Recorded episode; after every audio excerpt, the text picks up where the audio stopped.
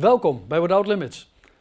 Als God nee zegt als antwoord op ons gebed, dan heeft dat altijd een bedoeling.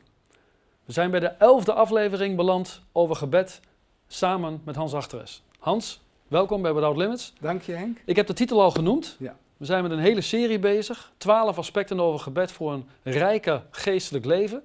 Dit is aflevering nummer 11 en ik geef je graag het woord. Nou ja, onverhoorde gebeden, daar hebben we het over, eh, hebben mij geleerd de wil van de Heer te zoeken in plaats van mijn eigen wil.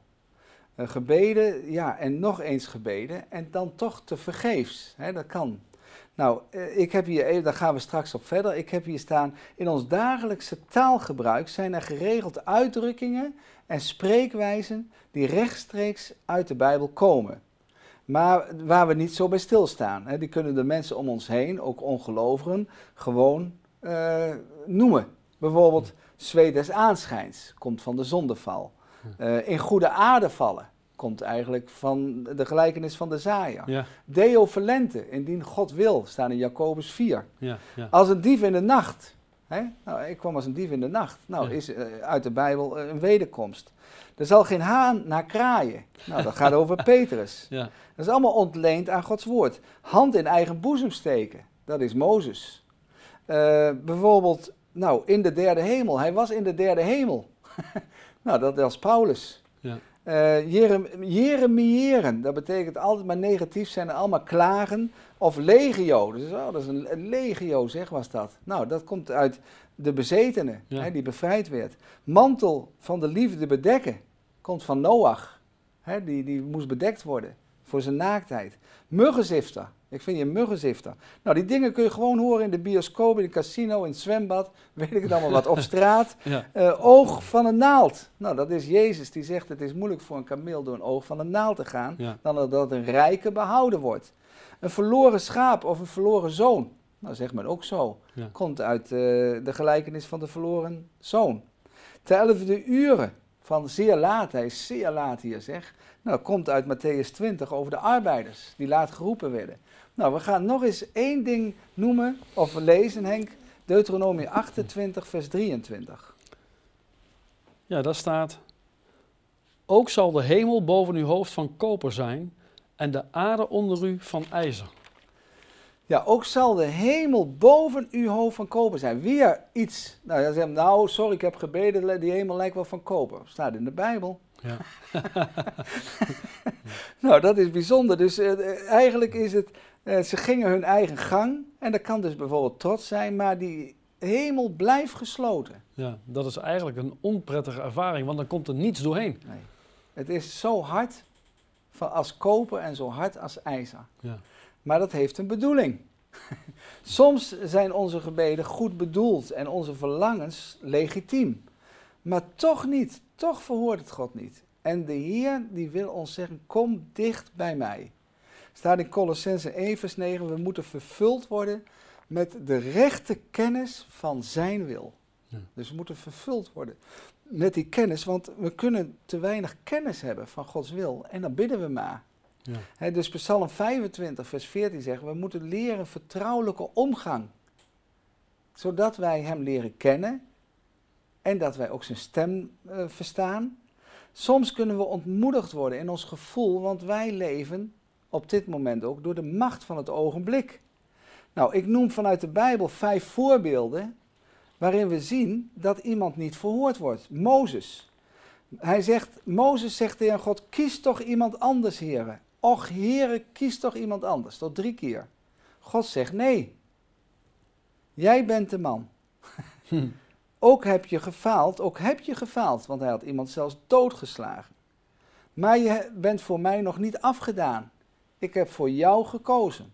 He, dus God verhoort zijn gebed niet van, kies toch iemand anders.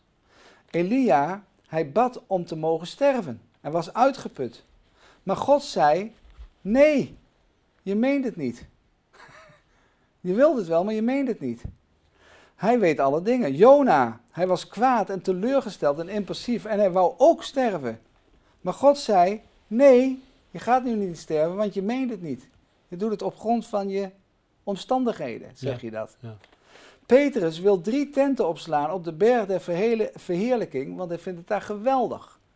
Jezus zegt, nee, verkeerd moment, verkeerd verzoek. Soms hebben wij vleeselijke ijver of verlangens. Petrus, nog een keer, hij wou verhinderen dat Jezus gepakt wordt en de hele zaak wil hij kort en klein, slaan. Maar Jezus zegt, ho, ho, nee, nee, het zwaard weer terug doen. Snap je? Wordt, uh, ja, wij hebben onze gedachten, maar God heeft zijn gedachten. Ja, dat is niet altijd makkelijk te verstaan. Dus wij worden, wij worden soms geleefd door de macht van het ogenblik. Maar is het niet zo dat we vaak dan zeg maar impulsief reageren? Ja, dat, dat is het probleem. Wij, wij reageren op grond van wat op dat moment wat er leeft, zoals we het zien, zoals we het voelen. Maar, en dat is niet makkelijk, want als God nee zegt, dan is dat niet, e niet even gemakkelijk te accepteren. Ligt eraan wat het is. Maar als God nee zegt, dan is dat even moeilijk te accepteren. Wij verlangen een bevestigend antwoord. Maar God wil ons natuurlijk bemoedigen. Het is niet zo dat als u naar deze aflevering kijkt en ook de vorige, dat u zegt, nou, het klinkt aardig ontmoedigend. Nee, ik wil u alleen maar laten zien vanuit Gods woord dat er redenen zijn waardoor uw gebed niet wordt verhoord. Ja, en meestal is het voor bescherming. Dat, ja, voor bescherming of andere redenen. God heeft een ander plan. Ja. Absoluut. Maar hij zal ons genoeg bemoedigen, want hij zegt, zie, ik ben met u. Ja. Tot aan de voleinding der wereld. Dus de Heer zal ons altijd bemoedigen.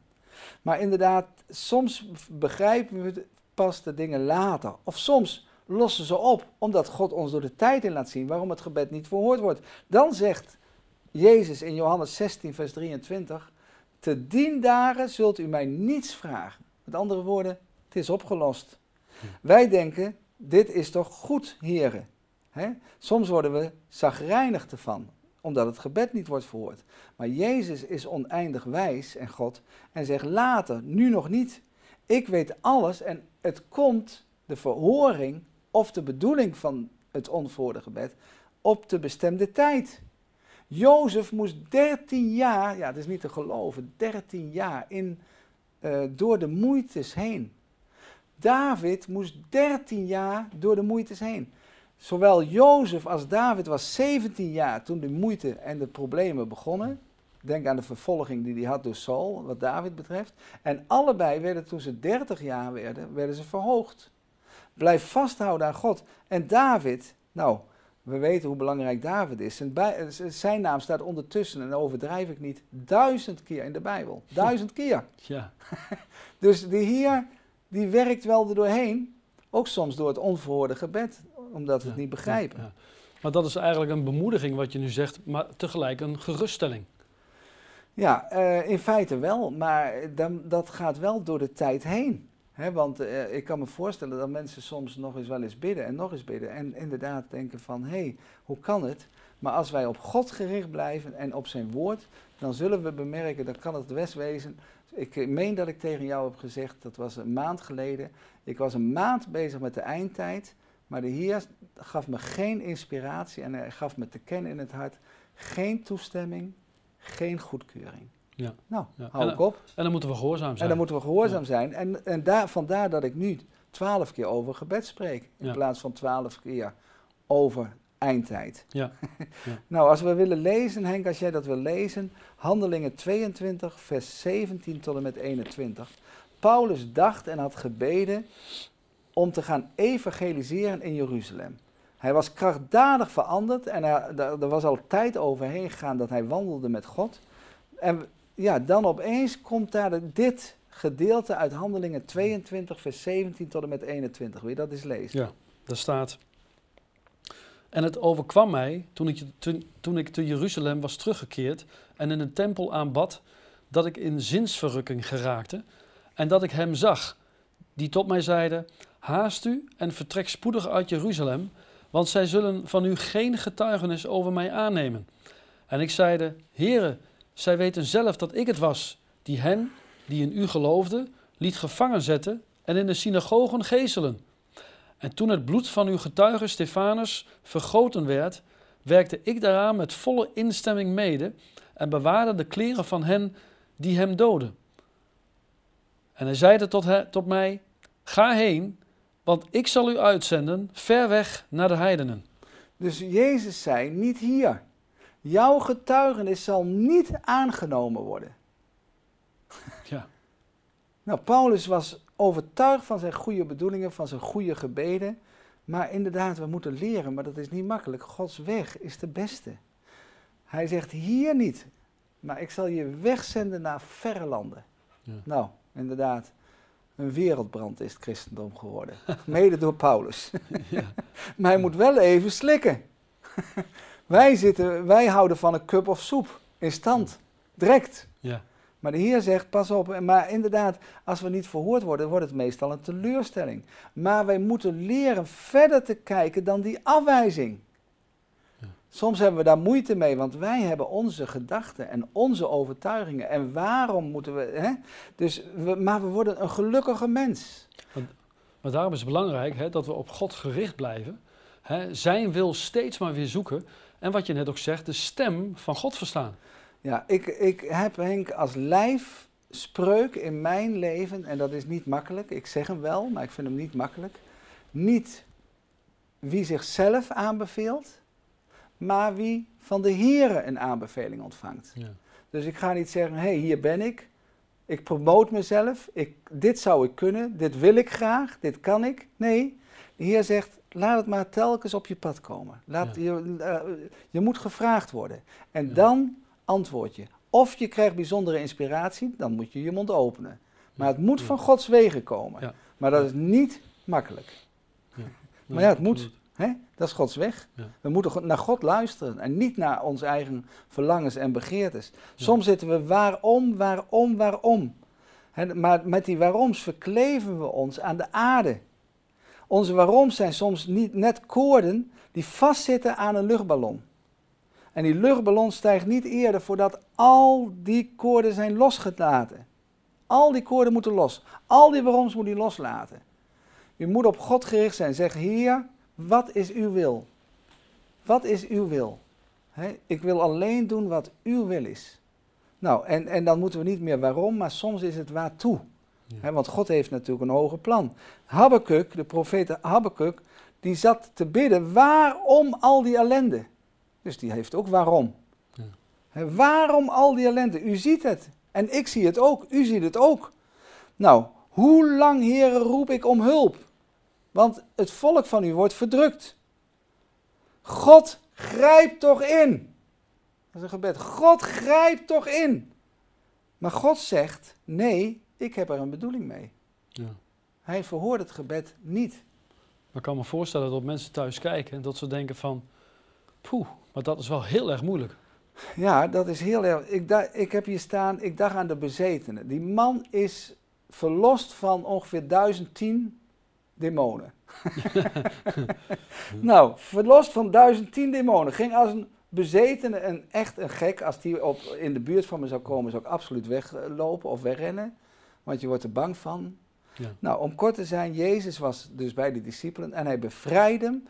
En hij zit later eh, goed gekleed en gezond en goed bij het verstand bij Jezus. Niemand herkende meer. Niemand. Ja. Niemand. Ja, want eerder liepen ze met een boog om Ja, heen. zeker. Niemand herkende meer. Nou, die man is totaal veranderd door de kracht van Jezus. En toen hij gezond en aangekleed was, vroeg hij aan Jezus, dus hij bad, mag ik bij u blijven? Dat is toch, toch een geweldig gebed. Ja, Wat is er nou mis? ja, Heer, ik wil alleen uw koninkrijk dienen, natuurlijk. Maar ik wil ook dicht bij u zijn. Maar Jezus zei nee. Nee. Tegen die bezetenen. Hij zegt, je moet weg van mij, want je wordt een getuige. Hè? Ja. Bij wijze van spreken, om het zo uit te drukken, geen gezelligheid. Bij mij in, de, in mijn omgeving, nee, maar je wordt gebruikt. Nou, voor kleine kinderen is het zo moeilijk om nee te accepteren. Jij hebt een kleine, of tenminste, ze is geloof ik zeven jaar. zes. Zes. Nou, ik heb vijf kinderen. En dan eh, ja, willen ze een snoepje en je zegt nee. Nou hebben ze moeilijk. Willen naar McDonald's, want je rijdt daar, zeg je nee. Nou, dan hebben ze het helemaal moeilijk. willen ze een televisieprogramma bekijken, zeg je nee. Ja, probleem. maar het zijn kinderen. Maar wij gedragen ons als kinderen van God soms als volwassenen. Wij denken dat we het beter weten dan God. Ja, Nou, hier staat in 1 Johannes 3, vers 1, dat vind ik zo'n mooi woord. Zie welk een liefde ons de Vader heeft gegeven. Dubbele punt. Dat wij kinderen van God zijn. Maar we gedragen ons als volwassenen. Wij weten het beter. Ja. Terwijl hier staat, daarom kent de wereld ons niet omdat ze hem niet kenden. Nu zijn wij kinderen van God en het is nog niet geopenbaard wat we zijn zullen. We zullen later koningen zijn en meer dan volwassen. En we zullen engelen zijn, maar we zijn het nog niet. Dus gedraagt u, en laat ik mij gedragen, als een kind van God. Ik vind het geweldig, een kind van God. Mozes of Abraham was een vriend van God. Mozes was een knecht van God. Jeremia was een profeet van God. Maar ik en jij, wij zijn nog meer. We zijn een kind van God. Familie, eigen bloedband. Heel bijzonder. bij wijze van spreken. Dus de Heer roept ons op. Zit niet vast inderdaad aan je beperkte blik. God kan soms zeggen, nu later. En, of soms kan het wezen dat je nog moet groeien. Dat er, dat er nog iets mis is, kan ook. Hè? Zou, zou je ook kunnen zeggen dat we God voor de voeten kunnen lopen? Ja, eh, ook. We, we, kunnen, we hebben dat soms niet door. La- als jij eens wil lezen, Spreuken 21, vers 13. Ja. Daar staat. eh oh, spreuken 21. vers Spreuken 13. 21, Ja. vers 13.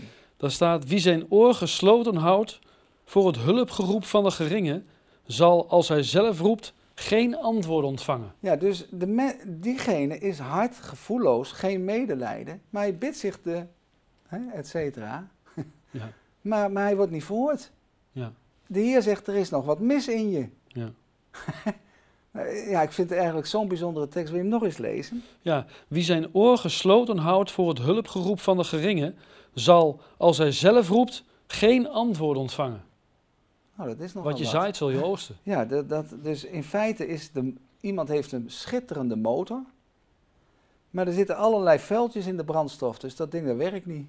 Ja, ja. Heer zegt, eerst moeten die vuiltjes eruit, die motor kan wel mooi lijken, maar er zitten nog Ja. dingen die niet aanvaardbaar zijn en die niet goed zijn. Ja, Eh, ik, ik herinner me aan dat iemand die wou een grasmaaier lenen bij de buurman en dat was een afstandje. Maar onderweg kwam hij zijn hondje tegen, gaf hij een keiharde trap. En die hond... Nou ja, die buurman was toevallig ook in de tuin, alleen hij zag hem niet. En toen kwam hij bij die buurman, buurman na een halve minuut. En hij zegt, god buurman, doe me een plezier, kan ik even je grasmaaier lenen? Hij zei, ja sorry. Maar hij zegt, moet je kijken hoe je met mijn hond omgaat. ja. ja inderdaad, ja. Ik bedoel, wij kunnen wel vragen, maar we krijgen het niet eerder dan dat het ook overeenkomstig is zoals het de bedoeling is. Ja, ja, absoluut. Als God nee zegt, hè, dan, dan, eh, dan kan het opstand veroorzaken, zeg maar. Hè. Eh, dat, kan dan een diepe teleurstelling zijn voor ons. Hoe ga je daarmee om? Eh, ja, ja dat, dat, dat, net wat ik zei toen al eerder heb gezegd, dat is ontzettend moeilijk. Wij blijven daarin steken, maar we moeten gewoon één ding, denk ik, Henk, beseffen. Wij weten, wij weten het soms beter dan Jezus, dat heb ik al gezegd, dat is een gevaar. Ja, Dus we moeten klein worden. Wij zitten allemaal op de kleiplaat van de Heer. kleiplaat van de Heer. En, en dan is de vraag, wie is de boetseerder? ja, Nou, hij is de boetseerder. En dat wil ik wel eens lezen in Romeinen 9, vers 20. En eh, ja, daar staat iets bijzonders. Romeinen 9, vers 20 staat... Maar gij, o mens, wie zijt gij? Wie ben jij? Dat jij God zou tegenspreken. Romeinen 9, vers 20. ja, Dus wie ben jij, o mens, dat je God zou tegenspreken? Dat je in opstand zou komen? Zal het geboetseerde soms tot zijn boetse- boetseerder zeggen: Waarom heb gij mij zo gemaakt? ja, Soms is er inderdaad boosheid, maar we moeten die boosheid aan God geven. Ik had gisteren nog een zuster bij me en ik adviseerde haar om eens vier maand een bijbelschool te doen. Die zijn kortstondige bijbelschool. En ze zei nee, ze wou liever bepaalde conferenties af. Maar toen ze bij de deur was, zei ze: Hans, ik wil het niet, want ik ben boos op God. Het diepste van haar hart kwam toch even naar boven toe. ja, ja. Kijk, en, maar dan kan de Heer inderdaad, de Heer zegt eerst verandering, eerst opruiming, eerst tot rust komen. Ja, en wie kent de bedoeling van de Heer? Snap je? Dus wij, wij moeten bereid zijn om te zeggen, Heer, inderdaad, wij zijn wij zijn uw kinderen. Gods weg is de beste. Ben jij, staat in de Bijbel hoor, Romeinen 11. Ik, ik noem nog een tweede tekst uit Romeinen 11. Ben jij als mens de raadsman van God?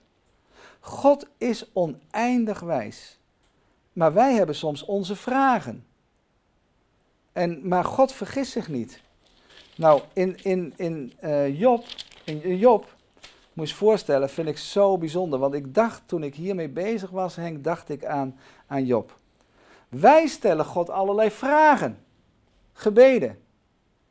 Maar God stelt in hoofdstuk 38, 39 en 40 van Job, stelt hij ons een aantal vragen. Er staat ergens in de Bijbel, ook in Job meen ik, als ik aan een mens duizend vragen stel, duizend, je kunt er nog geen één beantwoorden. Geen één, zegt God tegen ons. Jullie stellen mij wel vragen, maar als ik jullie duizend vragen stel, kunnen er nog geen één beantwoorden. Ik haal hier een aantal teksten uit Job. Waar was jij mens toen ik de aarde en de hemel schiep? Wie heeft de zee en de landgrenzen gegeven? Is jouw verstand groter dan de aarde? Ben jij mens doordrongen tot de schatkamers van de sneeuw? Kun, kan jouw stem in de wolken spreken? Kun jij bliksemen uitzenden? Dat is allemaal een vraag. Ja. Kun jij een paard zijn nek met manen bekleden? Kun jij mens met een vogeltje spelen? God wel hoor. Maar wij twisten met God. Wij moeten tot inke komen, zeggen hier, ik doe boete, inderdaad. Wij kunnen nog geen één, geen één, geen één grasprietje maken. geen één. En God zegt inderdaad duizend vragen, je kunt er nog niks van beantwoorden. Ja, dat maakt je soms uh, stil, dat God oneindig wijs is en alle dingen weet. Ja, God is wijs. Wij zijn soms eigenwijs. Ja. in Romeinen, hier staat het ook in Romeinen 12, vers 16. Ja. Uh, er staat: Wees niet eigenwijs. Ja, ja nou, dat, dat is een hele korte tekst. Uh, ik vind hem prachtig, Henk, dat je hem aanhaalt, Romeinen 12. Van wees niet eigenwijs. Ja. Nou, wij weten het vaak zo goed. En dan staat er in Romeinen 11, vers 23. O diepte van rijkdom, van wijsheid en van kennis Gods. Hoe ondergrondelijk zijn uw beschikkingen en hoe onnaspeurlijk zijn uw wegen. Nou, ik denk, als je dat tot je door laat dringen, dan gebeurt er wat. Ja, ja. Wij moeten ook, denk ik, uh, aan zelfonderzoek doen. Hè? Dat is denk ik belangrijk, hè? dat we, wat jij al eerder zei, kennis van het woord nemen, zodat we God beter leren kennen. Hè? Dat houdt toch allemaal met elkaar in verband.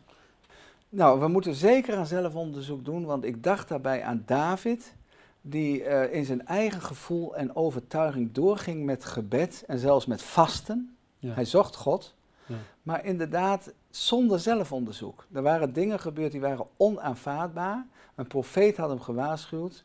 Uh, je hebt zonde gedaan, ernstige zonde gedaan. En toen gebeurde het volgende. En dat wil ik wel eens even voorlezen in 2 Samuel 12, vers 15. Ja. Daarop ging de profeet Nathan naar zijn huis. En de Heere sloeg het kind wat geboren werd van David, dat de vrouw van Uria aan David gebaat had met een ziekte. Ja. En dat was van Gods wegen. Toen zocht David God ter wille van de jongen en hij vast en bad. En telkens als hij naar binnen gegaan was, bracht hij de nacht door liggend op de grond. Dat is nogal wat. En de oudsten van zijn huis kwamen bij hem om hem van de grond te doen opstaan. Want hij was dus verslagen, ja. om het zo uit te drukken, voor de Heer. Voor zijn aangezicht. Maar hij wilde niet. Ook at hij niet met hen. Ja. Op de zevende dag nu, moet je nagaan, zeven dagen. Toen stierf het kind en de dienaren van David durfden hem niet mee te delen dat het kind dood was. Want zij zeiden, zie, toen het kind nog in leven was, hebben wij tot hem gesproken en heeft hij naar ons niet geluisterd. Hoe zouden wij dan tot hem kunnen zeggen, het kind is dood? Hij zou iets kwaads kunnen doen. Toen David zag dat zijn dienaren onder elkaar fluisteren, begreep hij dat het kind dood was. Ja. Ja, dus hier wil God mee zeggen van, we kunnen soms zo bezig zijn, maar zonder, wat jij zegt, zelfonderzoek. En laten we daarom inderdaad buigen voor de Heer, wat hier staat, o diepte van rijkdom, van wijsheid en van kennis Gods. Hoe ondergrondelijk zijn zijn beschikkingen en, en hoe onnaspeurlijk zijn zijn wegen. De Heer roept ons op om door geloof, door zijn woord, zijn wegen, zijn beschikkingen proberen te doorgronden en zijn wegen die, van, die normaal on, zijn, toch na te speuren. Opdat wij meer zullen begrijpen van Hem. Ja, mooi Hans.